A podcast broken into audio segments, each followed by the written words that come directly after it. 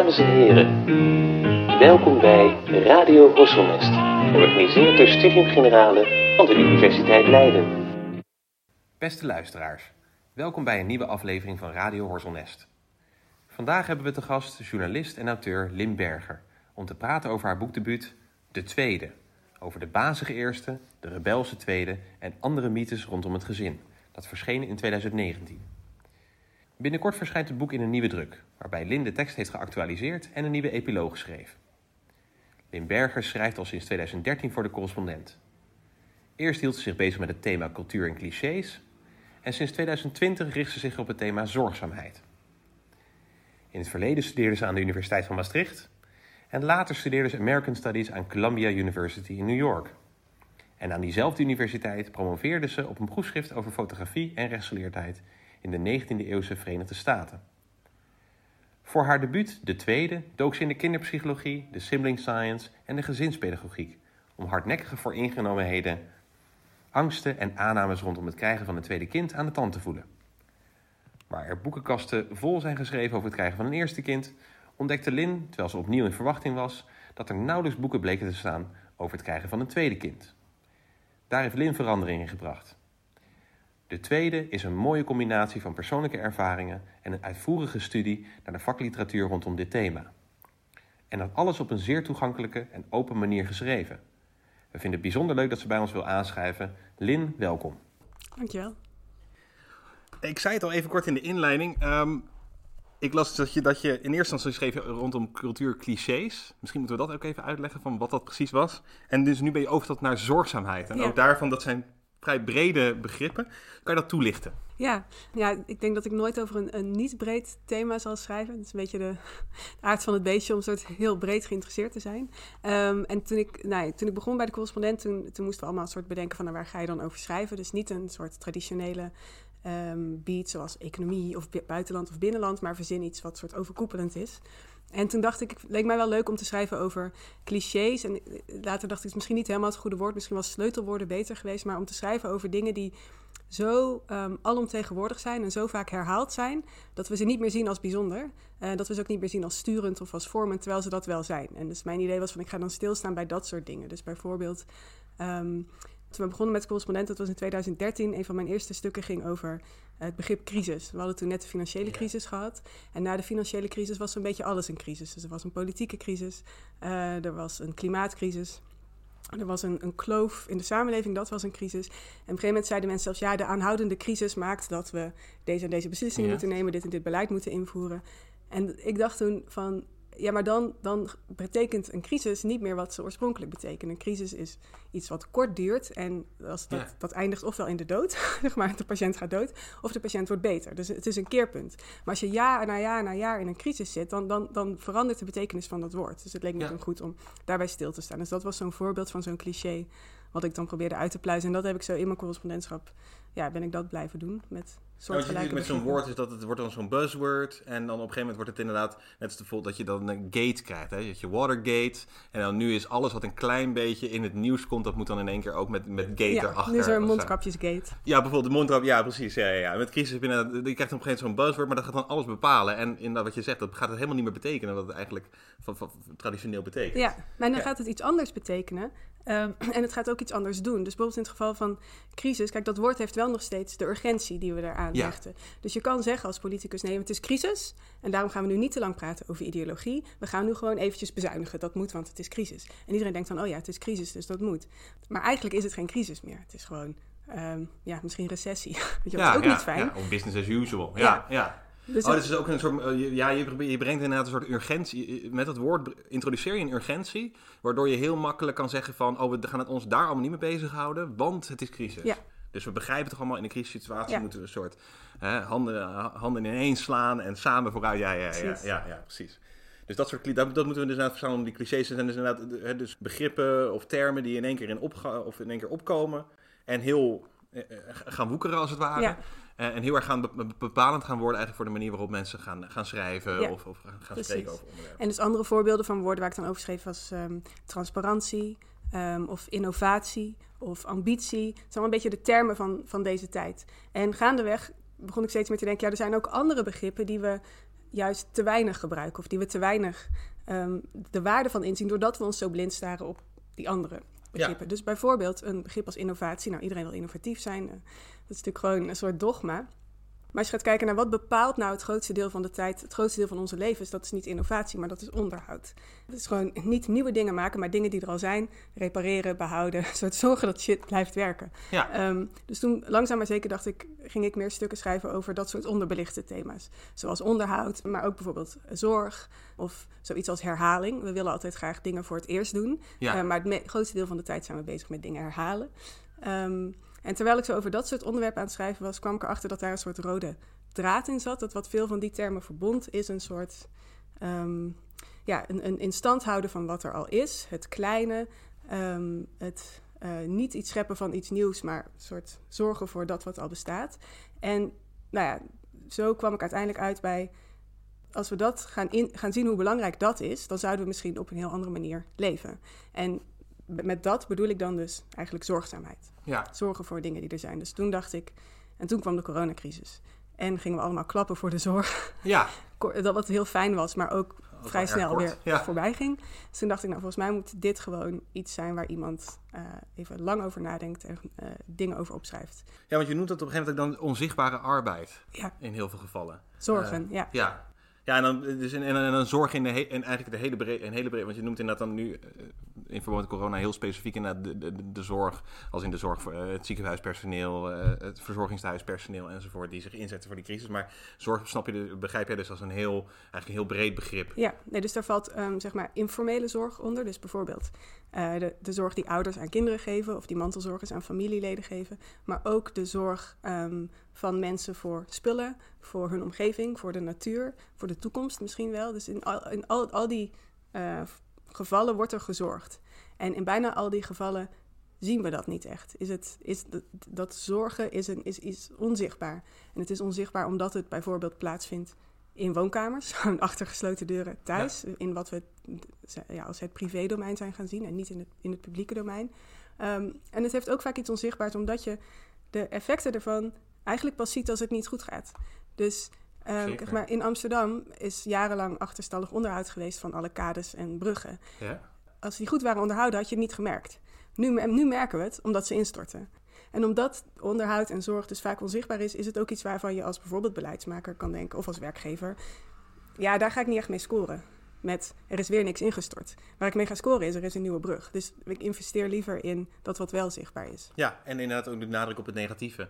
Uh, uh, eerder dan, want het is natuurlijk op een bepaalde manier is het natuurlijk een wonder dat ja, dat, dat, een, dat een stad zoals Amsterdam, dat dat, dat, dat allemaal goed gaat. Weet je? Je, je, je realiseert het even goed hier in Leiden natuurlijk, dat als je naar de sanitaire voorzieningen en de, af, de, de afvalophaaldiensten en, en de energietoevoer en al dat soort dingen, zoveel moet goed gaan. Ja. Wil eigenlijk überhaupt die stad uh, enigszins uh, een bedrijvigheid vertonen en enigszins leefbaar blijven, moet er eigenlijk extreem veel goed gaan. Ja. En alles wat goed daarin gaat, is voor een heel groot deel inderdaad gewoon zorg, onderhoud ja. uh, en, en de diensten die, daaraan, die daarbij betrokken ja. zijn. En dat is dus, het is herhalend, het is dienstbaar, het is vaak, nou, hij heeft een lage status. Dus het, het is, hij heeft eigenlijk alles, alles in zich om ondergewaardeerd te, te zijn.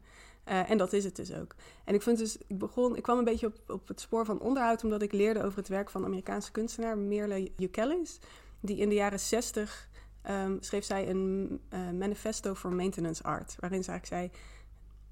Ze had toen net een baby gekregen en ze zei: Ik ben constant bezig met herstellen, met wassen, met schoonmaken. Um, en dat wordt allemaal niet gezien als belangrijk. Want wat belangrijk is, is een soort een nieuw groot schilderij maken. Maar zij zei: Ja, als er. Het een mooi zinnetje van haar was na de revolutie, wie haalt de volgende ochtend, wie ruimt het afval op? Maar dat, die revolutie is leuk, maar daarna begint het pas echt. Dus haar, haar, pleidooi was van we moeten het andersom, we moeten het helemaal andersom gaan zien. En ik vond dat toen ik dat las, kwam het zo binnen. Ik dacht, ja, dat moet, dat, eh, weet je, we zitten, dat is jaren 60, we zijn een halve eeuw verder en we zien het nog steeds niet. Ja, ik denk bijvoorbeeld inderdaad, je had dan in, uh, natuurlijk al die mensen die samenkwamen in het Vondelpark. En dan zie je daarna de foto's van toen ze weer waren weggestuurd. En dan is het gewoon één grote ravage. En dan denk je inderdaad van ja, dus om dat park enigszins parkachtig te houden. En dat er ook nog mensen heen willen. Dan moet je dus inderdaad, ja, wie ruimt al die rommel op? Ja, ja, ja dat is inderdaad, ja, dat is inderdaad. En daar is ook heel weinig aandacht voor. Terwijl je eigenlijk bijna een soort van ja, je zal zelfs een hele grote soort abstracte thermodynamische termen kunnen denken. Van ja, als je wil dat je huishouden niet gewoon eh, eh, eh, compleet chaos wordt, moet je dus de hele tijd onderhoud eh, Ja. plegen. Ja, en hetzelfde in een lichaam. Zeg maar, homeostase kost energie. Het, het, Ja. het, het kost energie, tijd, geld, aandacht om dingen alleen al maar te houden zoals ze zijn. Laat staan een stapje verder Ja. te voeren. Maar wij zijn dan zo, mm, eigenlijk, bij- ja, maar dat is op een bepaalde manier is dat ook best wel nieuw. Want zo'n in- woord als innovatie of zo, ik las dan bijvoorbeeld in, in de 18e eeuw, is innovatie helemaal niet zo'n, eh, eh, is eigenlijk iets wat, wat niet positief is. Ja, Eh, klopt. dan is het soort van, nee, we, we doen het gewoon altijd al op deze traditionele manier en dat moeten we gewoon zo blijven doen. Ja. Want dat werkt. Waarom zouden we gaan vernieuwen? Ja, innovatie was volgens mij ook een, een scheldwoord voor, voor protestanten. Ja, jij bent veel te innovatief. Ah, blijf nou gewoon bij, bij het oude. ja, precies. Ehm, en, nee, en dat is dus enorm veranderd. En dat is veranderd omdat eh, we met industrialisering hebben gezien dat innovatie, dus het, het bedenken van nieuwe technieken, dat dat winstgevend is. Dat dat zorgt voor meer efficiëntie, voor meer opbrengst Ja. enzovoort. En we zijn vooruitgang ook gaan zien in termen van economische groei. En dus gaan denken, daar is innovatie voor nodig. Alleen, ja, de grap is, zeg maar, je kan innoveren wat je wil.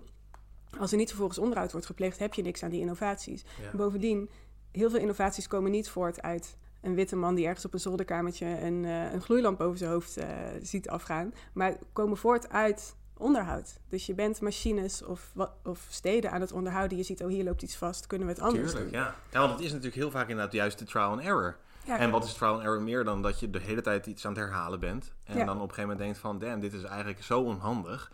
Eh, we moeten, dit, moet toch, dit moet toch op een slimmere manier eh, gedaan kunnen worden. Ja, Ja. Of, of zelfs gewoon je bent dingen aan het, on- eh, aan het herhalen en ineens gaat er per ongeluk iets net een beetje anders en dat blijkt goed te werken. Zeg maar het Ja. hoeft niet eens zo intentioneel te zijn. Ja, inderdaad. En dan ja, je hebt natuurlijk helemaal gelijk inderdaad. Dat die herhaling... Dat wordt ook altijd een beetje inderdaad van gedaan van... Ja, maar je moet toch juist... Een, je, moet toch juist weet je, je gaat ook niet twee, twee keer naar hetzelfde vakantie. Nee, je moet naar naar een nieuwe plek toe gaan. Ja. Nieuwe indrukken, nieuwe, nieuwe ervaringen opdoen enzovoort. Ja, Terwijl, en, en hetzelfde met lezen trouwens ook. Hoor. Dat, dat mensen ook wel eens verbaasd opkijken van... "Wa- wa- Hoe vaak heb je dat boek gelezen? Ja, ja de derde keer. Ja. ja, Waarom lees je voor de derde keer hetzelfde boek? Ja, omdat het niet helemaal hetzelfde boek ook meer is... ja. nadat je het eh, drie keer hebt gelezen. Het is niet meer hetzelfde boek en jij bent niet meer dezelfde lezer. Want jij hebt het boek al een keer gelezen. Ja, Dus, dus in de, een herhaling is nooit een kopie. Maar het is natuurlijk altijd net iets anders. ja. Maar dat zien we ook niet zo. We denken, oh, weer hetzelfde, saai. Ja, want dit, dit is eigenlijk, je, nou, dit brengt- het brengt ons ook heel mooi naar je boek. Want dit schrijf je eigenlijk ook in het boek inderdaad. Want dat, dat het krijgen van een tweede kind absoluut niet inderdaad een... eh, in die zin inderdaad een, een, een kopie is van het krijgen van een, van een eerste kind. Maar een hele andere, hele andere ervaring. Ja, klopt. En dat, ehm, kijk, het krijgen van een eerste kind is natuurlijk een soort, nou, dat, een, een eerste kind maakt zijn ouders ouder. Dus het is een soort, het is een transformatieve ervaring, eh, waar ook heel veel over geschreven is. Dus, dus toen ik in verwachting was van mijn eerste kind, ik ben schrijver, maar ik ben eigenlijk vooral een lezer. Dus ik ging natuurlijk gewoon meteen naar de bibliotheek. Oké, wat kan ik lezen over het ouderschap? En er zijn echt, nou ja, zoveel boeken over wat het betekent om voor het eerst een kind te krijgen. En die las ik allemaal heel braaf. En toen, twee jaar later, opnieuw in verwachting, toen dacht ik, nou, dan ga ik nu lezen wat het betekent om voor de tweede keer een kind te krijgen. Want natuurlijk is dat niet hetzelfde. Het is niet hetzelfde, want ik ben al ouder. Het is niet hetzelfde, want dit kind wordt niet geboren in een soort leeg huis, maar er is al een oudere zus aanwezig. Er komt een broertjes en zusjes Ja. ehm, band. En ik dacht ook, ja, het is niet hetzelfde, want het is niet de primeur. Het is een soort herhaling, maar wat, wat betekent dat dan? Ja. Ehm, maar toen waren er dus, nou ja, er waren misschien drie boeken en die heten dan How to Survive Your Second Child, ehm, How to Stop the Fighting en eh, Good Luck of zo. ik dacht, oké. Heel erg geboren inderdaad al uit de gedachte dat het eh, vooral verschrikkelijk is Ja, om een dus tweede kind te krijgen. hier komt iemand de boel verstoren. En eh, er komt ruzie tussen die eerste en die tweede. En nou ja, ouders, jullie zullen echt vermoeider zijn dan ooit. En dat verbaasde me heel erg. Dus toen ben ik, dacht ik, verder moet toch meer te vinden zijn over gewoon wat, wat ons nu te gebeuren staat. Ehm, en toen ben ik een beetje gaan duiken in de meer academische hoek. Dus toen ben ik psychologie-papers gaan lezen en eh, biologie en eh, filosofie. En toen zag ik, oh ja, hier is wel onderzoek gedaan naar gezinssamenstelling en ook wel naar herhaling. En bijvoorbeeld ook de tijdsbeleving van ouders, hoe die verandert als ze voor de tweede keer een kind krijgen. Maar dat was allemaal totaal niet handzaam of toegankelijk. Zeg maar ja, de meeste mensen die in verwachting zijn, gaan natuurlijk niet voor hun lol JSTOR databases af, afstruinen en uh, Nee, nee, kijken wat ze nog meer kunnen lezen. Dus Ook toen- omdat het gewoon dat meteen boven je hoofd groeit, toch? Want dat schrijf je ook een paar keer. Dat dan, dat dan op, is op een gegeven moment zeg je van ja, dat de stapel artikelen over eh, volgens mij dat de volgorde waarop de kindervolgorde of dat er daar überhaupt eh, het kindervolgorde effect. eh, dat die stapel harder groeit dan het kind. Ja. Ja, ja, ja, ja. Dat is er gewoon enorm veel literatuur. Dus ik kan me ook voorstellen dat als je dat überhaupt opent in Google Scholar of waar dan ook. Dat je dan ook zo'n sloot aan informatie krijgt dat je denkt, oké, oké. Laat maar. ja, ja. ja, toch? Ja, en dan zijn er zo waarschijnlijk ook nog een heel groot deel van ouders of aanstaande ouders die denken: ja, ga ik toch niet lezen? Ik, ik zie het wel of ik vraag het aan men- mensen in mijn omgeving die het hebben meegemaakt. Dus het is ook een beetje mijn soort eh, manier waarop ik dingen aanpak die misschien wat afwijkt. Maar ik dacht wel, volgens mij is het heel fijn. Als, zou ik, ik zou het heel fijn vinden om een boek te hebben waarin iemand die wetenschappelijke bevindingen vertaalt eh, naar mijn ervaring en een soort op een fijne manier opschrijft. En toen dacht Ja. ik, nou, dat is er niet, dus dan doe ik het zelf wel. En zo kwam eh, de tweede tot Ja. stand. En dan, eh, dat is dan de keuze van het boek, maar de, de keuze om, om überhaupt een tweede kind te nemen, waardoor werd die gem- gemotiveerd? Ja, ehm, ja, door verschillende dingen. En in eerste plaats gewoon door een soort extreme nieuwsgierigheid naar wie dat tweede kind dan zou zijn. En ook wel een verlangen naar, ehm, naar herhaling. Want ik, wilde, ik vond het heel leuk om een eerste kind te krijgen. Dus ik dacht, ik wil dat nog een keer meemaken, zo'n babytje. En, en die, eh, nou, die, zien, die zien groeien. En het kwam ook voort uit het idee... Ik heb zelf een jonger zusje en mijn eh, vriend heeft ook twee zussen dat ik dacht, het is goed om een broertje of zusje te hebben. Dat, Ja. ehm, en en het, is, het is zielig voor onze dochter als ze alleen blijft. Dat was Ja. een, eh, meer, meer een, soort, een soort rationele... Wat dit ik toen dacht, veel? rationele verklaring. Ja, Tenminste, ja. Dat is ook al vaak, een vaak gestelde vraag volgens mij van mensen. Dat op het moment dat mensen dan een eerste kind, dat ze dan zeggen, oké, maar komt er dan ook een tweede kind? Terwijl het grappig genoeg is, als je dan dus kijkt naar de titels die je dan vindt over een tweede kind, is dat allemaal een soort van, ah, wat, wat moeten we doen? Er is een tweede kind. Maar de, de, de, motivatie eigenlijk van tevoren is vooral van, nee, maar dat is heel fijn. Want dan, dan zijn we een, groot, nou, een groter gezin of wat ook of zo. Of het kind heeft dan een ander, een ander kind om mee te interacteren. Niet alleen maar twee van die ouders die dan heten proberen ermee te, te, te- te Ja. interacteren. Eh, Speelde dat bij jou ook mee, die, die gedachte van dan is het compleet, zeg maar? Dan met, met een tweede kind erbij. En completer dan met een eerste kind? ja, ja een soort van... eh, zeg- met één kind voel je je toch nog gewoon twee volwassenen met een accessoire. Zo. En ik dacht van, als je er dan twee hebt, en dan ben je echt een gezin. Wat echt best wel kortzichtig is. Ik bedoel, het is- ik ben inmiddels ook wel wat verder. En dat ik denk, ja, nee, gezinnen komen echt in alle vormen en maten. En het enige kinderen, weet ik inmiddels, omdat ik er onderzoek naar heb gedaan, zijn niet zielig. Vergeleken bij kinderen met broers of zussen. Maar ik had wel zo'n beeld. En dat is natuurlijk een beeld wat gewoon is ingegeven door het feit dat dat is wat je vooral om je heen ziet. De meeste kinderen groeien op met een broer of zus. Of Ja. meerdere broers of zussen. Dus het is de norm. En ik denk dat dat, dat wel vaker gebeurt. Dat je, dat je de norm gaat verwarren voor het goede. Ehm, dus dat, dat speelde mee. Ja, en ook wel omdat het is wat ik zelf kende. Ik, was opgegroeid met een zusje. Ja. En je, wil- ik denk dus ook dat ja, je toch op de een of andere manier vaak je eigen ervaring ofwel wil repliceren, Mhm. ofwel het compleet anders wil doen. Ehm, maar dat dat altijd een referentiepunt is. Ja, dat het inderdaad altijd, het is altijd in reactie op wat, wat, wat- je eigen situatie. Ja. Of dat nou heel erg daarvan van af moet wijken of wel heel erg hetzelfde moet zijn. En dan zei je inderdaad van, ja, over een enig kind er zijn ook alweer heel veel... Dat, en dat schrijf je ook uitvoerig in je boek. Dat, zijn, dat er al zoveel aannames ook er zijn. Ja. Over eh, het hebben van een enig kind, het zijn van een enig, enig kind. Iedereen kent het ook wel een klein beetje van die gedachte van... oh ja, zo'n enig kind, dat is ongetwijfeld is die eh, verwend en, en eh, niet goed gesocialiseerd. Ja, een beetje Want- asociaal. Ja, ja, ja. Een soort, en een beetje Napoleon-complex en zo. Maar als je dan gaat kijken in de literatuur, blijft daar, daar blijft eigenlijk heel weinig van, van overeind staan. Ja, daar blijft eigenlijk niks van overeind staan. Dus eh, er zijn sinds de jaren zeventig best wel veel onderzoeken gedaan... waarin dus met name sociologen of psychologen dan enige kinderen vergelijken met kinderen die opgegroeid zijn met broertjes of zusjes. En dan proberen ze zoveel mogelijk te controleren voor opleidingsniveau van de ouders, sociaal-economische klasse, etniciteit enzovoort. Dus zodat je gewoon zo goed mogelijk kan vergelijken. En dan kijken ze bijvoorbeeld naar persoonlijkheidskenmerken of naar ehm, schoolprestaties of nou ja, hoe, hoe sociaal of empathisch ze zijn. En dan is er eigenlijk gewoon geen verschil. Het enige verschil wat af en toe wordt gevonden is dus dat enige kinderen wat gemotiveerder zijn op school. Wat niet Ja. per se erg is. Maar, Nee, dat lijkt me ook geen negatieve kwaliteit. Nee, nee, ik bedoel, er zijn erge dingen denkbaar. Ja, ja, ja. Ja. Dus ik sprak een, eh, een eh, pedagoog die ook hier in, eh, in Leiden onderzoek doet. En die zei, ja, eigenlijk het enige waar enige kinderen echt last van hebben... zijn de vooroordelen die er bestaan over enige kinderen. En ik vond dat wel mooi. Ik dacht, oh ja, dat valt het wel samen. De, de verschillen zijn er niet. In die zin, kijk, elk kind is anders. En Ja, opvoeden of opgroeien zonder broertje of zusje... is natuurlijk anders dan opgroeien met broertje of zusje. Maar de verschillen zijn niet eh, kwantificeerbaar. Zijn niet eh, in het voor- of nadeel eh, van de Nee, je kan inderdaad niet eigenlijk zeggen van er is een soort trend of er is echt een, een, een soort ge- gedragskenmerk. wat je kan aanwijzen, wat je zegt van oh, dat is, dat is oh, typisch enig kind of zo. Weet je wel, dat mensen dat heel erg vaak in, in het gewone spreken wel heel erg Ja. aan. Van, oh ja, je bent ook typisch een eerste kind. En dan, ja, dan liefst ook nog met de horoscoop dan erbij. Enzovoort. Ja, ja, ja, ja.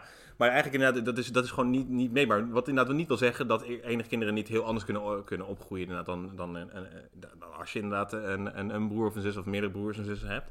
Uh, maar die vooroordelen die daar eigenlijk lijken te bestaan, die lijken eigenlijk totaal niet terug te, terug te, te vinden in de werkelijkheid. Nee. En, nee, en ik denk dus dat waar die vooroordelen meer op gestoeld zijn, is uh, nou, dat het historisch gewoon zo was dat je op een gegeven moment begon met kinderen krijgen en ophield als het niet meer ging. Dus dat een, een, een, een gezin waar één kind was, was meestal een gezin waar iets niet goed was gegaan.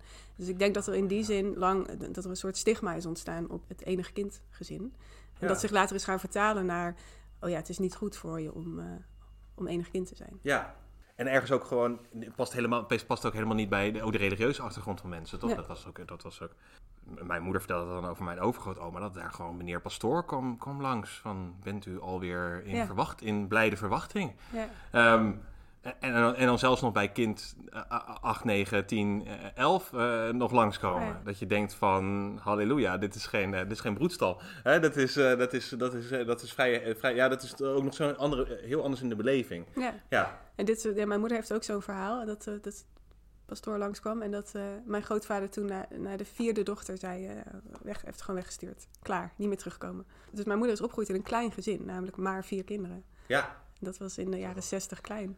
Tegenwoordig is dat natuurlijk inderdaad, eh, is dat inmiddels, is inmiddels groot. Jij praat ook inderdaad veel over die demografische transitie, waarin je inderdaad eh, eigenlijk van, die, van hele grote gezinnen gaat naar, naar nou, tegenwoordig, dat zakt op een gegeven moment zelfs onder de twee eh, schrijf je dan. En dat is inmiddels, is dat, zweeft dat een beetje volgens mij rond, rond de 2 of zo, of de 1,7 of iets dergelijks of zo ja, volgens mij is het 1,6, 1,7 gemiddeld per vrouw. Maar goed, er zitten ook alle vrouwen bij die geen kinderen krijgen. Ja, Ehm, dus uiteindelijk, ik had het deze week nog nagevraagd bij het CBS. Eh, de meeste moeders hebben twee kinderen. Op de voet gevolgd door moeders met één kind en moeders met drie kinderen. Maar dus maar het, het twee is nu het meest voorkomende eh, gezinsgrootte getal.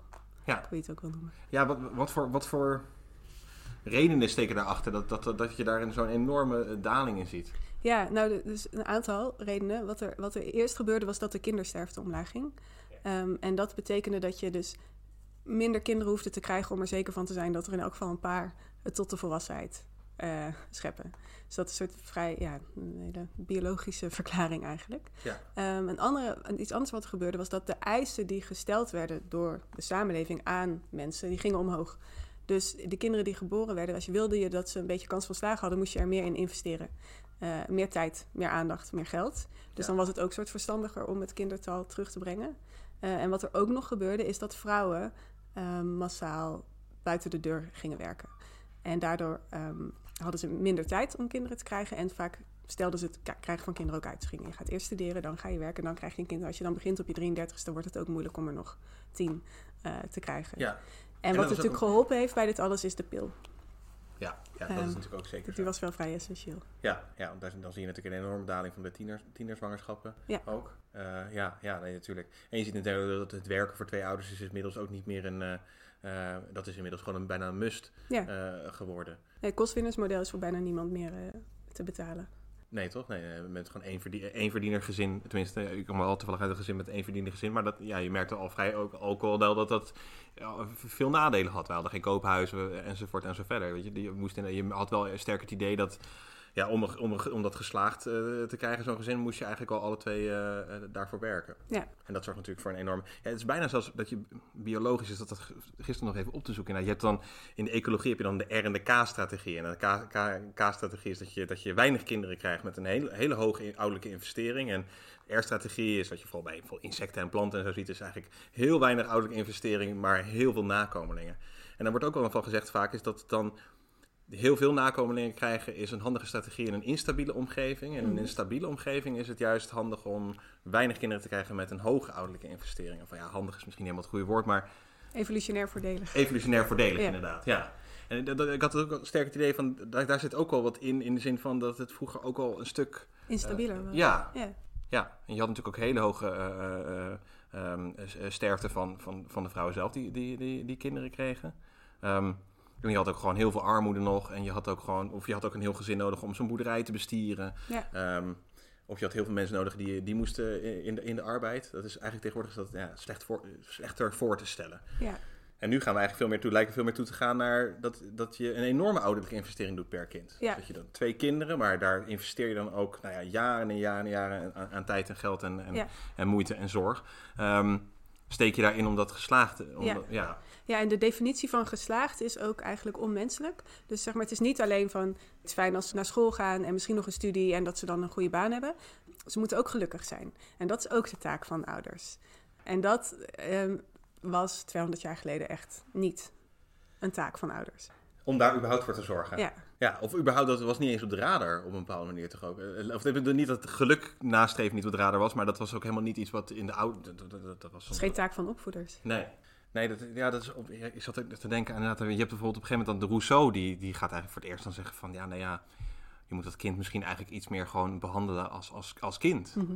En niet als een soort al eh, bijna voltooide volwassen. Of nog Ja, een net soort geen... gemankeerde volwassenen. Ja. Er moeten nog een paar dingen bij en dan eh, is hij goed te go. Ja, ja, en ook al niet te veel om voor, voorbereiden en eh, klaarstomen voor die maatschappij. Nee, eerst nog eigenlijk een beetje in die, toch in die, ook meer in die onschuld en zo laten. Dat dat heel revolutionair was, ook Ja. in die tijd, om, om, dat zo, om dat zo te doen. En dat, men vroeger ook dacht van kinderarbeid, hè, dat, dat sterkt je, dat, dat bereidt je voor voor die samenleving. Want dan moet je toch ook werken. Dus dan had je al pas een paar arbeidsjaren had je er al op zitten en zo. Ja, wat dat betreft, dat beschrijf je ook heel mooi hoe eigenlijk dat heel erg aan het veranderen is. Dat ook met die demografische transitie, we krijgen eigenlijk steeds minder kinderen. Maar dat er tegelijkertijd steeds meer oog komt en steeds meer controle komt op het, op het krijgen van kinderen. Ja. Kan, kan je daar meer over vertellen? Van, hoe, ja, hoe, hoe, hoe kan dat eigenlijk? Dat is eigenlijk heel vreemd. Ja, want je zou ergens denken, weet je wel, eh, stijgende welvaart. eh, mensen hebben meer geld, dan kunnen ze ook meer kinderen zich veroorloven. Ja. Ehm, dus waarom zou je, het, waarom zou je er dan, dan juist minder krijgen? Ehm, maar dat, goed, dat heeft dus ja, heel erg te maken met dat, dat, dat willen, willen investeren in, in die kinderen. En wat er ook tegelijkertijd gebeurde met die, die demografische transitie, is soort zie je de opkomst van ontwikkelingspsychologie en pedagogiek. ja. En dan komen er experts en die zeggen, ja, maar eh, wij weten wat goed is voor kinderen. En ehm, voorheen, eh, die, die, die beroep- beroepsgroep bestond niet en die had je ook niet echt nodig, omdat je als ou, eh, ja, meestal bleven mensen een beetje in hun gemeenschap wonen. Mhm. Dus ze hadden bijvoorbeeld hun eh, opa en oma waren in de buurt en, eh, en, en eh, vijf zussen waren in de buurt die ook kinderen hadden. Dus je ging gewoon aan hen vragen, ehm, oké, hoe moet ik dat doen, een kind opvoeden? En waarschijnlijk hoef je het niet eens te vragen, want je had het je hele leven lang al gezien. Omdat je een soort veel meer gemixte generaties had en eigenlijk gewoon terwijl je opgroeide, waren er om je heen altijd wel baby's of kleine kinderen die je dan een beetje mee Ja, verzorgde. En dan begon je zelf en dan, dan wist je wel ongeveer wat je moest doen. Maar nu groeien we natuurlijk op in kleine gezinnen. Meestal met een klein leeftijdsverschil tussen broertjes en zusjes. Mijn zusje is drie jaar jonger dan ik. Nou ja, ik herinner me dat ze geboren werd, maar we waren natuurlijk gewoon eigenlijk altijd ongeveer even oud. Je, eh, die gezinnen zijn, zijn kerngezinnen geworden. Opa en oma zaten in een verpleeghuis. Dus die zag je dan één keer in de drie weken op zondag.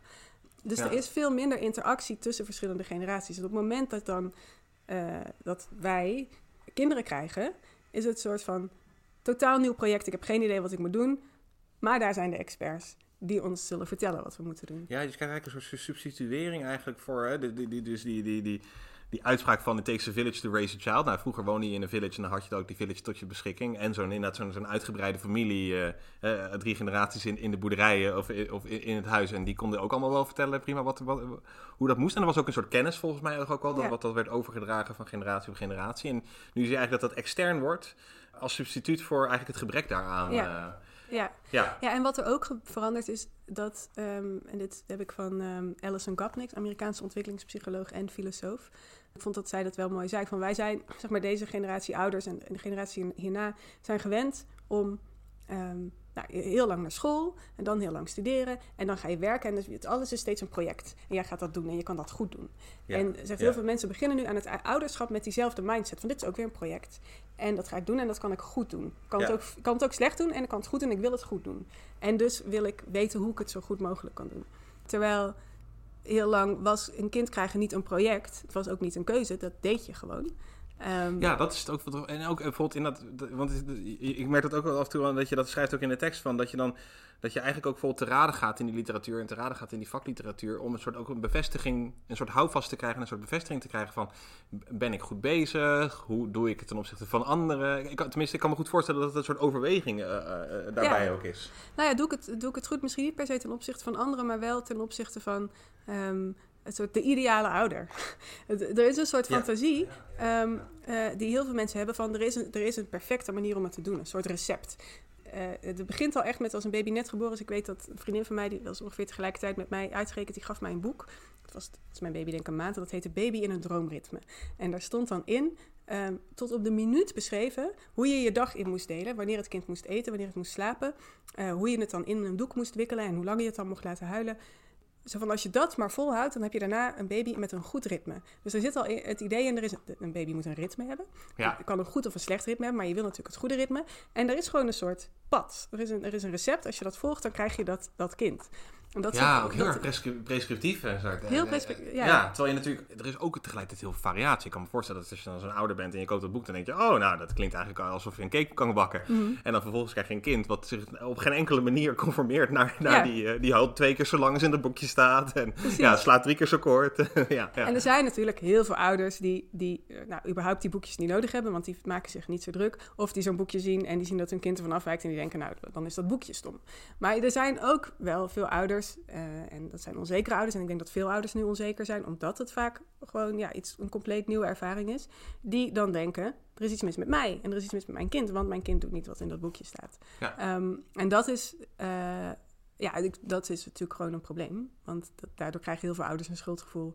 En eh, worden we een soort heel intolerant voor variatie. En wat je wel meer vlakken in, ja, in de ja, samenleving ziet. Maar dat begint dan dus daar, daar al. Ja, want je beschrijft het ook inderdaad als een soort van hè, dat de mens eigenlijk ook een beetje een vergelijkend eh, wezen is. En dat dat ook af en toe een beetje een ballast kan zijn op dus inderdaad het, het krijgen van een kind of het krijgen van een tweede kind. Dat je, dat je het de hele tijd af gaat spiegelen aan hoe doet de rest het, hoe eh, gaat het nog wel goed, Eh, volgt het inderdaad de goede curves, volgt het zus, volgt het Ja. zo. Dat je heel erg inderdaad in die vergelijking ook een soort, dat daar ook een soort van eh, grond zit voor angst eigenlijk. Ja. omdat je bang bent dat het daarvan gaat afwijken. Ja. ja, en je hebt natuurlijk ook die, die, weet het, die mijlpalen van... oké, wanneer, wanneer kan een... Na zes weken moet een baby gaan lachen. En dan Ja. is het na, na, bij twee maanden moeten ze omrollen. En dan een eerste woordje en dan een eerste stapjes. En zolang je kind ongeveer die curve of die maat, die mijlpalen volgt... dan denk je, nou, wij zijn goed bezig. Het gaat goed. Ehm, maar heel veel kinderen wijken natuurlijk daarvan af. Ja? En, en dan kan je dus denken dat er iets mis is. Terwijl er is, wat er aan de hand is, is gewoon variatie. Ja, ja, zeker. Ja, en het is dan bijvoorbeeld ook mooi om te zien, want je haalt, ook, je haalt dan ook eh, eh, Darwin aan, die zijn, die zijn kleine, eh, zijn eerste zoontje William gaat bestuderen. En daar zie je nog veel meer een houding van, die heeft natuurlijk nog niet die last van eigenlijk al die, al die, die, die, die- ja, kinderpsychologie en, enzovoort en heel veel van dat prescriptieve. Die zit nog eigenlijk heel erg in een soort ontdekkingsfase Ja. van, wat doet hij eigenlijk na 66 eh, dagen? Ja. Of wat doet hij na 103 dagen? Ja, wat Eh, gebeurt er als ik met een veer over zijn voetje ga? Oh, zijn teentjes krullen om. Een reflex, ik schrijf het op. Ja, Heel open. En, eh, Ja, en heel ontdekkend. eh, Ja. Ongetwijfeld tot enige frustratie van, van de vrouw. Die dan denkt, denk je alsjeblieft niet dat kind het als een soort testdier eh, gebruiken. Ja, maar, dat is, maar tegelijkertijd ook, ergens heeft het ook iets heel eh, eh, ja, innemends of zo. Dat hij dan beschrijft inderdaad van dat hij op een gegeven moment moet hij niezen. En dan is dat kind volgens mij inderdaad ho- 100 dagen oud of zo. En dan zie je dat kind eerst verschrikt kijken en dan soort heel boos kijken. Ehm, en dan beschrijft hij dat inderdaad al, allemaal op van, oh, eh, grappig, dit is, hij is nu eh, buiten de reflexstadium. Hij, hij begint nu ook al emoties te vertonen en zo. Dan kijken naar die emoties, wat voor emoties zijn dat dan? Al zeg je ook al inderdaad van, het zien van, het lezen van de emoties in de, gezins, in de gezicht van een kind is wel lastig. Want het is heel erg van, wat zie ik erin, wat ziet de Ja. ander erin? Ehm, maar ik vond, het, ik vond het nog zo... Want het, hij publiceert dat ook gewoon in Mind. Ja. Dat kan je tegenwoordig niet meer voorstellen. Dat, het, het is bijna een soort kinderdagboek. Het is bijna een soort dagboek van een kind. Ehm, maar het, het heeft nog iets heel erg eh, ontdekkends inderdaad. En nog helemaal niet het prescriptief. Hij zegt niet van, oh, het is 200 dagen. En nu moeten we dit doen of nu moeten we dat doen. Nee, het is veel meer van, oh, nu doet het dit, nu doet het dat. Ja. Eh, veel meer die ontdekking of zo. ja. Ja, ja, en dat is natuurlijk eigenlijk zou je gewoon elke ouder gunnen dat je, dat je er zo in kan staan. En, en er zijn heel veel ouders die dat kunnen. Maar er zijn ook, nou ja, heel veel ouders die dat, die dat, die dat, die, die kunst verloren zijn. Ja, het, het lijkt ook wel een beetje op wat je net zei inderdaad van al dat onderhoud. En dan kan je op een gegeven moment, als er dan als er iets gebeurt eh, wat enigszins daarvan afwijkt, of in negatieve, negatieve zin daarvan afwijkt, dan ga je in één keer ook schrikken van, oh, heb ik dan iets verkeerd gedaan in, in al die zorg de hele tijd? Mm. Want ik heb de hele tijd zorg, zorg, zorg, zorg, zorg. En ik heb de hele tijd routine en de hele tijd herhaling. En dan ga je je toch ook afvragen van, heb ik niet hier een steekje laten vallen? Want er is nu een soort, het buigt af van het vergelijkingsmateriaal. Ja, Ja. Dus we, daar begonnen we ook een beetje mee. Inderdaad, van, hè, je hebt dus inderdaad, aan de ene kant denk je van, ik, ik neem een kind ook een beetje voor het andere kind. Mhm. we, we willen, eh, of eh, voor een compleet gezin, of dan heeft het een interactie met het kind. En tegelijkertijd heb je die rivaliteit en, en, die, en, die, en die jaloezie, die, Ja. die eigenlijk heel erg, eh, eh, dat beschrijf je ook eigenlijk over je eigen relatie met je, met, met je zusje. Van, dat dan vervolgens, dan denk je dat je dat dan krijgt voor die ander. En dan Ja. eigenlijk zadel je die ander eigenlijk op met, maar ja, met, met, met iemand waar er, waar er veel ri- rivaliteit mee is. Ja, met een concurrent. ja. Ja, dus het is sowieso, denk ik, het, ik las laatst iemand op Twitter of zo, die zei: Het is wel fijn om te weten dat je het als ouder nooit goed kan doen. Want het is zeg maar, krijg je geen broertje of zusje voor je kind? Nou, dat is zielig. Ja. Krijg je wel een broertje of zusje? Nou, dan hoef je het internet maar open te, te openen. En het is, oh, nou, eh, hou je vast, want de eerste wordt van de troon gestoten. En die zal jaloers zijn en eh, nooit meer een rustig moment in huis. Dus het is natuurlijk totaal tegenstrijdige boodschap. Ja. Tenzij je, je bedenkt dat, dat die ruzie en die rivaliteit ehm, ook prima zijn. En misschien zelfs Ja. wel nuttig. Omdat de wereld bestaat voor een groot deel uit ruzie en rivaliteit. En het best wel fijn is dat je dat kan oefenen in een Ja. vrij beschermde omgeving met iemand die niet ehm, wegloopt en uit je leven verdwijnt als je een keer iets onaardigs tegen ze zegt. Ja, dat is, ja, dat, dat is, ook, dat is ook zeker zo. Ja, natuurlijk. Inderdaad, het bereid je op een bepaalde manier. En eh, daar zit daar ook, want ook daarin merk je wel inderdaad van, dat jij vooral ook veel, veel kijkt naar van wat zijn eigenlijk de, de aannames daarvan? Wat zijn nou de veronderstellingen die we daarover hebben? Is het inderdaad zo dat ehm, het alleen maar terreur is, hè? Die jaloezie en die competitie? Ook wel grappig dat je dat op een gegeven moment op, opmerkt over jaloezie. Dat we dat nu als iets heel negatiefs zien. Ja. ja, jaloezie was gewoon heel lang een emotie die ja, gewoon een beetje een soort dubbele reputatie had. Want het is niet het de allervrijste emotie, maar was ook verbonden met bijvoorbeeld het verdedigen van je eer. Dus in die zin ook iets positiefs. Het is iets wat je aanmoedigt om, nou, bijvoorbeeld de belager van jouw vrouw eh, Ja. aan te vallen of zo.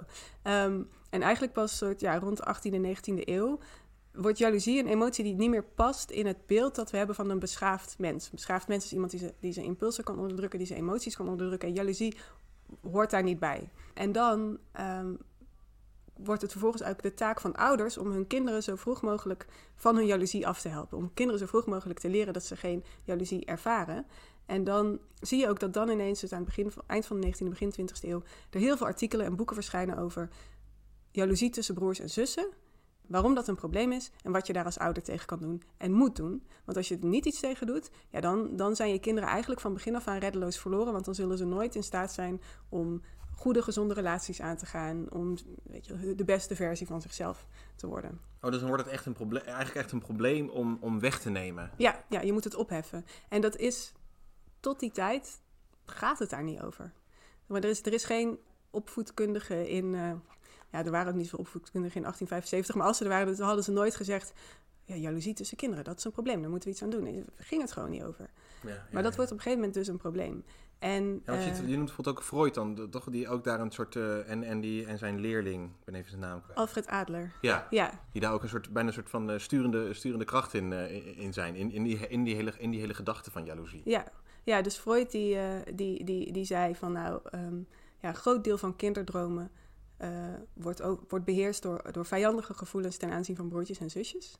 Dus die zegt, ja, dat, dat, dat, dat is gewoon iets waar, waar mensen door geplaagd worden. En Alfred Adler, dat was een volgeling van Freud, die, ehm, ja, die, hij kwam eigenlijk met de theorie dat je, je hebt een, een eerste, eerstgeboren kind, die zit op een troon.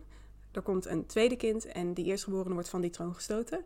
En die, dan begint eigenlijk de strijd, een levenlange strijd tussen die eerste en die tweede, om de aandacht van de ouders, om de eerste plek in het gezin.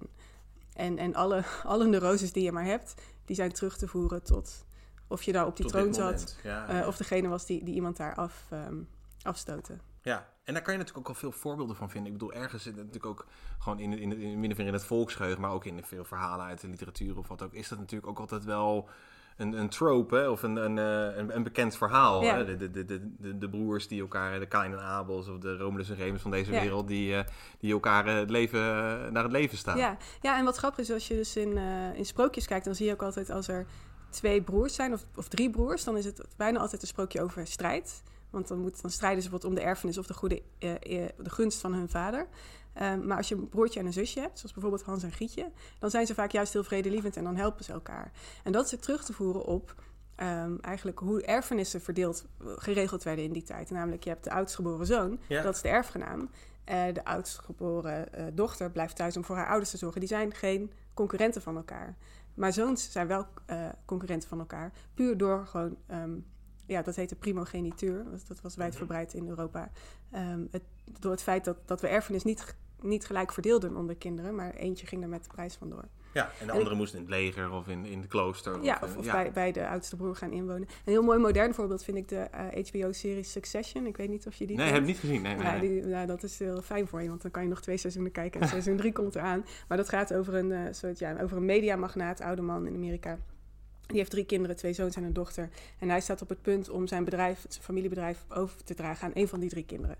En het was altijd het idee de oudste zoon zou het krijgen, maar in aflever- aflevering 1 in seizoen 1 gaat die man ineens een soort rogue en die zegt, nou, ik weet nog niet wie het krijgt. Oh, en ja. vervolgens moeten die drie kinderen soort gaan, gaan vechten om dat bedrijf. En daar zie je gewoon helemaal gebeuren van, ja, dan worden ze zo tegen elkaar opgezet. Ja, En, en dan, en dan krijg je natuurlijk ook dat het zich heel erg in competitief ook eh, gaat vormen. Ja. is natuurlijk inderdaad ook een, een verhaal wat ongetwijfeld eh, ook inderdaad eh, vaker terugkomt inderdaad. De, deze, de, de competitie om de gunst van Ja. inderdaad.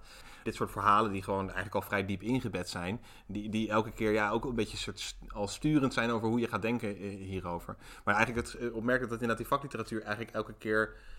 eh, toch weer wat anders laat zien. Of het eigenlijk heel erg nuanceert. Ontzettend nuanceerd. Ja. ja. Ja, en dat vond ik dus zelf heel prettig.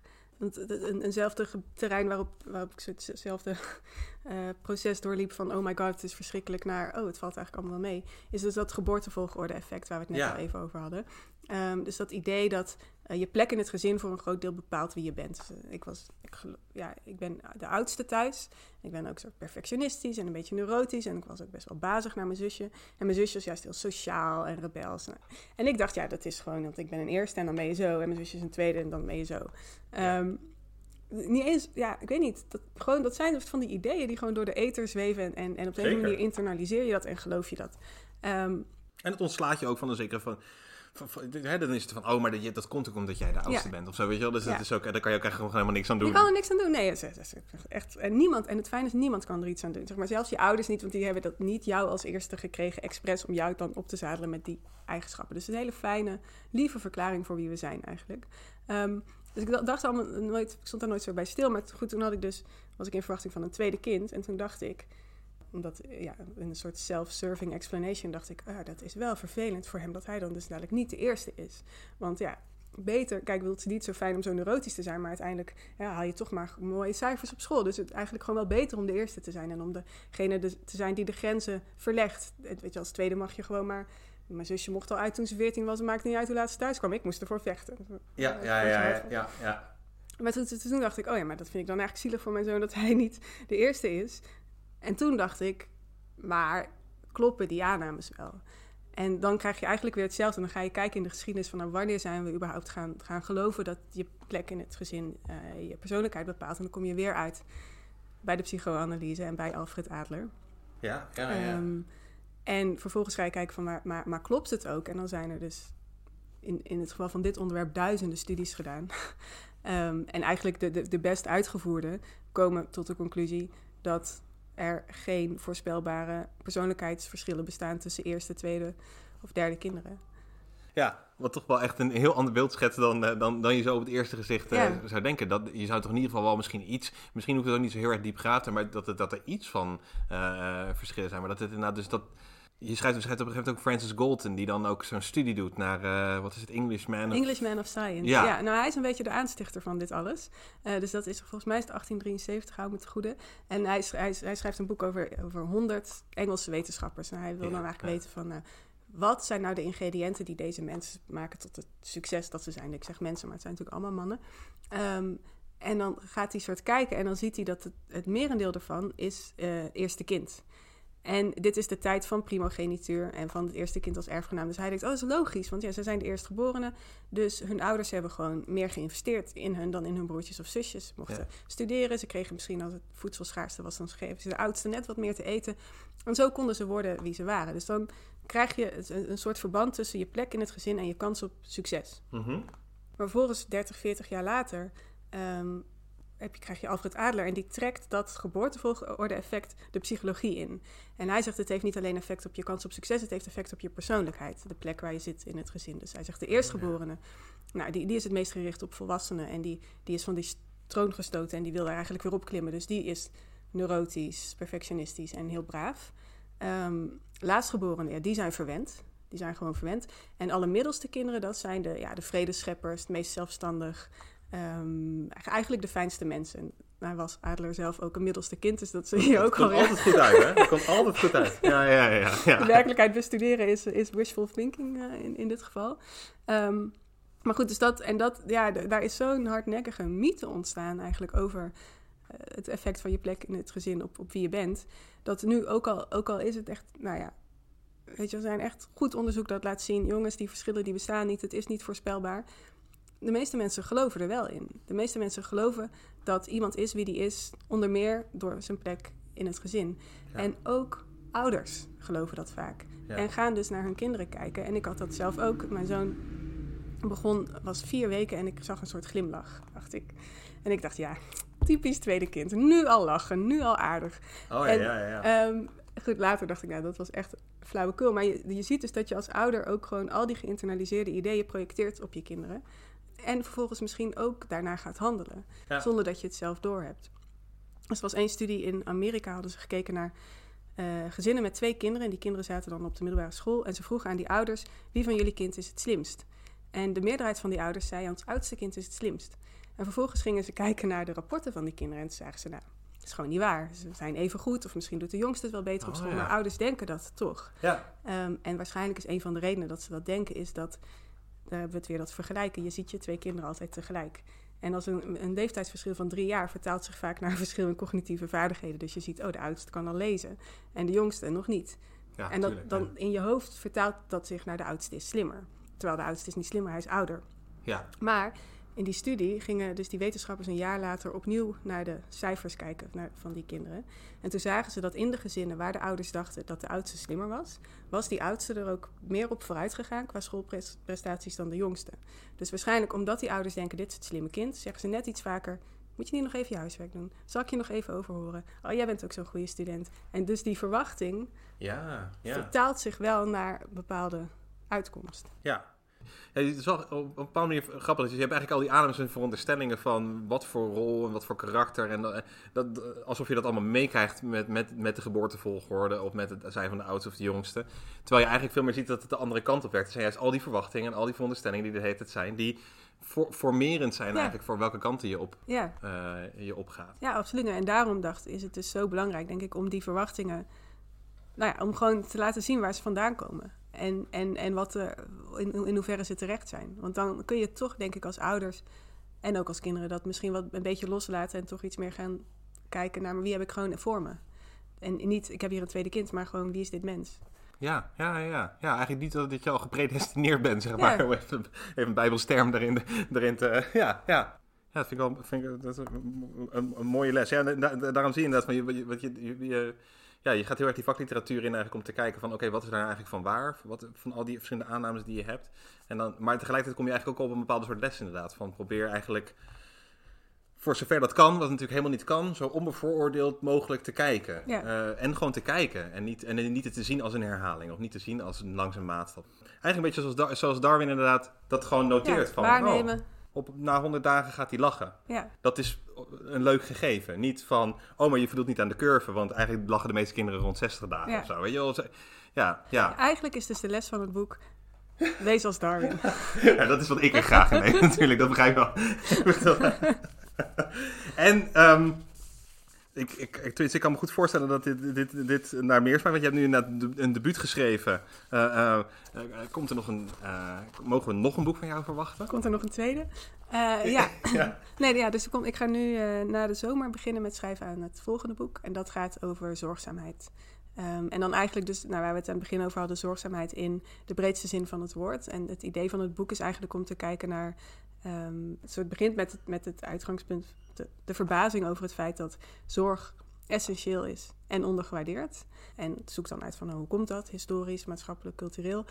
En eigenlijk denk ik van als we nou beter zouden kunnen kijken, beter zouden kunnen kijken naar zorg, als we het beter zouden kunnen zien, dan zouden we misschien andere keuzes maken.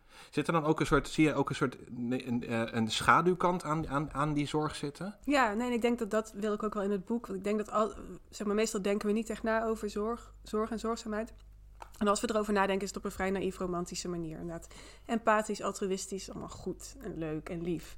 Maar een zorgrelatie is natuurlijk wel altijd een machtsrelatie. Dus de verpleger heeft macht over de patiënt, de ouder heeft macht over het kind. die macht, weet je wel, vaak is die heel benevolent, of eh, heel welwillend. Ja, ja. Maar die kan wel misbruikt worden. En het kan onprettig zijn om aan de andere kant van die machtsrelatie te zitten. En wat ook zo is met zorgen, is dat ehm, eh, de keuze om te zorgen voor het een is ook altijd de keuze om niet te zorgen voor het ander. Dus verwaarlozing, ja ehm, verwaarlozing is niet een soort eh, het tegenovergestelde van zorgen. Verwaarlozing wordt veroorzaakt door zorgen. Want dat is gewoon hetgene waar we niet onze aandacht aan geven. Ja. Dus zorgen is heel gecompliceerd. Ehm, en wat ook nog, ja, wat ik ook dan wel, ja, wat het ook complexer maakt, is dat zorgen voor is ook niet, eh, en zorgzaamheid is niet een soort onuitputtelijke bron. Ouders zorgen natuurlijk met liefde voor hun kinderen en verpleegkundigen zorgen met liefde voor hun patiënten.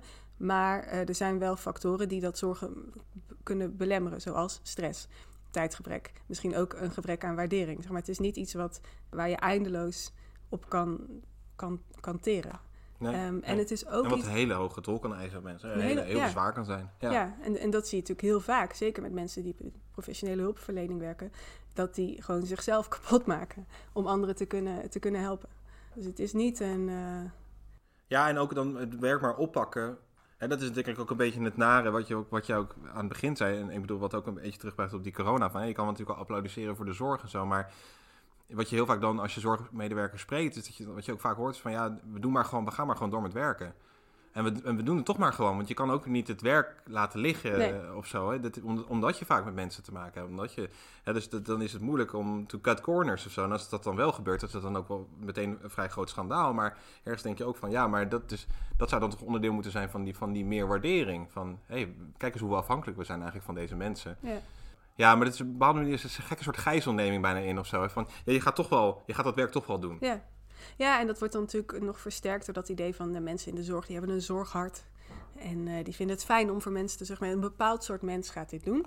Ja. Is dan het verhaal. En, eh, en ja, daar, daar kun je dan dus ook veel van vragen. En ik denk dat je dat ook internaliseert. En dus ook niet iets wil doen wat afwijkt van dat beeld. Ja, ja. Eh, dus niet wil zeggen, ja, weet je jongens, ik meld muziek, zoek het maar uit. Nee, je gaat altijd zo, zelf even kijken of je een invaller kan regelen. En dat is denk ik nog een schaduwzijde van de zorg. Of ik weet niet of schaduwzijde het goede woord is, maar dat, er een, ehm, dat, er, dat, het, dat het ook iets is wat wordt verwacht van mensen. Dus het wordt verwacht van mensen die in de zorg werken. Het wordt verwacht van vrouwen, meer dan van mannen. Ja. eh, dat ze bepaalde zorgtaken op zich nemen. En op het moment dat je dat niet doet, is er gewoon straf. Dan word je afgekeurd. eh, dan, dan zijn mensen teleurgesteld in je. Of dan word je misschien, ben je dan een slechte moeder of een slechte Ja. vrouw. ja. Ehm, dus het is, het is eh, ook een heel, het is niet waardevrij. Nee, nee, nee, zeker. Sterk, sterk nog, het is misschien wel een van de meer beladen eh, beroepsgroepen die, die, die, die, die we hebben in, eh, in Nederland. Nou, ik kijk, ik kijk uit naar dit, eh, naar dit boek en ik hoop dat, u- dat je dan nog een keer bij ons wil aanschrijven. En nou, bedankt voor dit gesprek. Jij bedankt, was leuk. En eh, de, de luisteraars thuis natuurlijk ook bedankt en eh, tot de volgende keer. Dit was weer een aflevering van Radio Horselnest. Dank u voor het luisteren.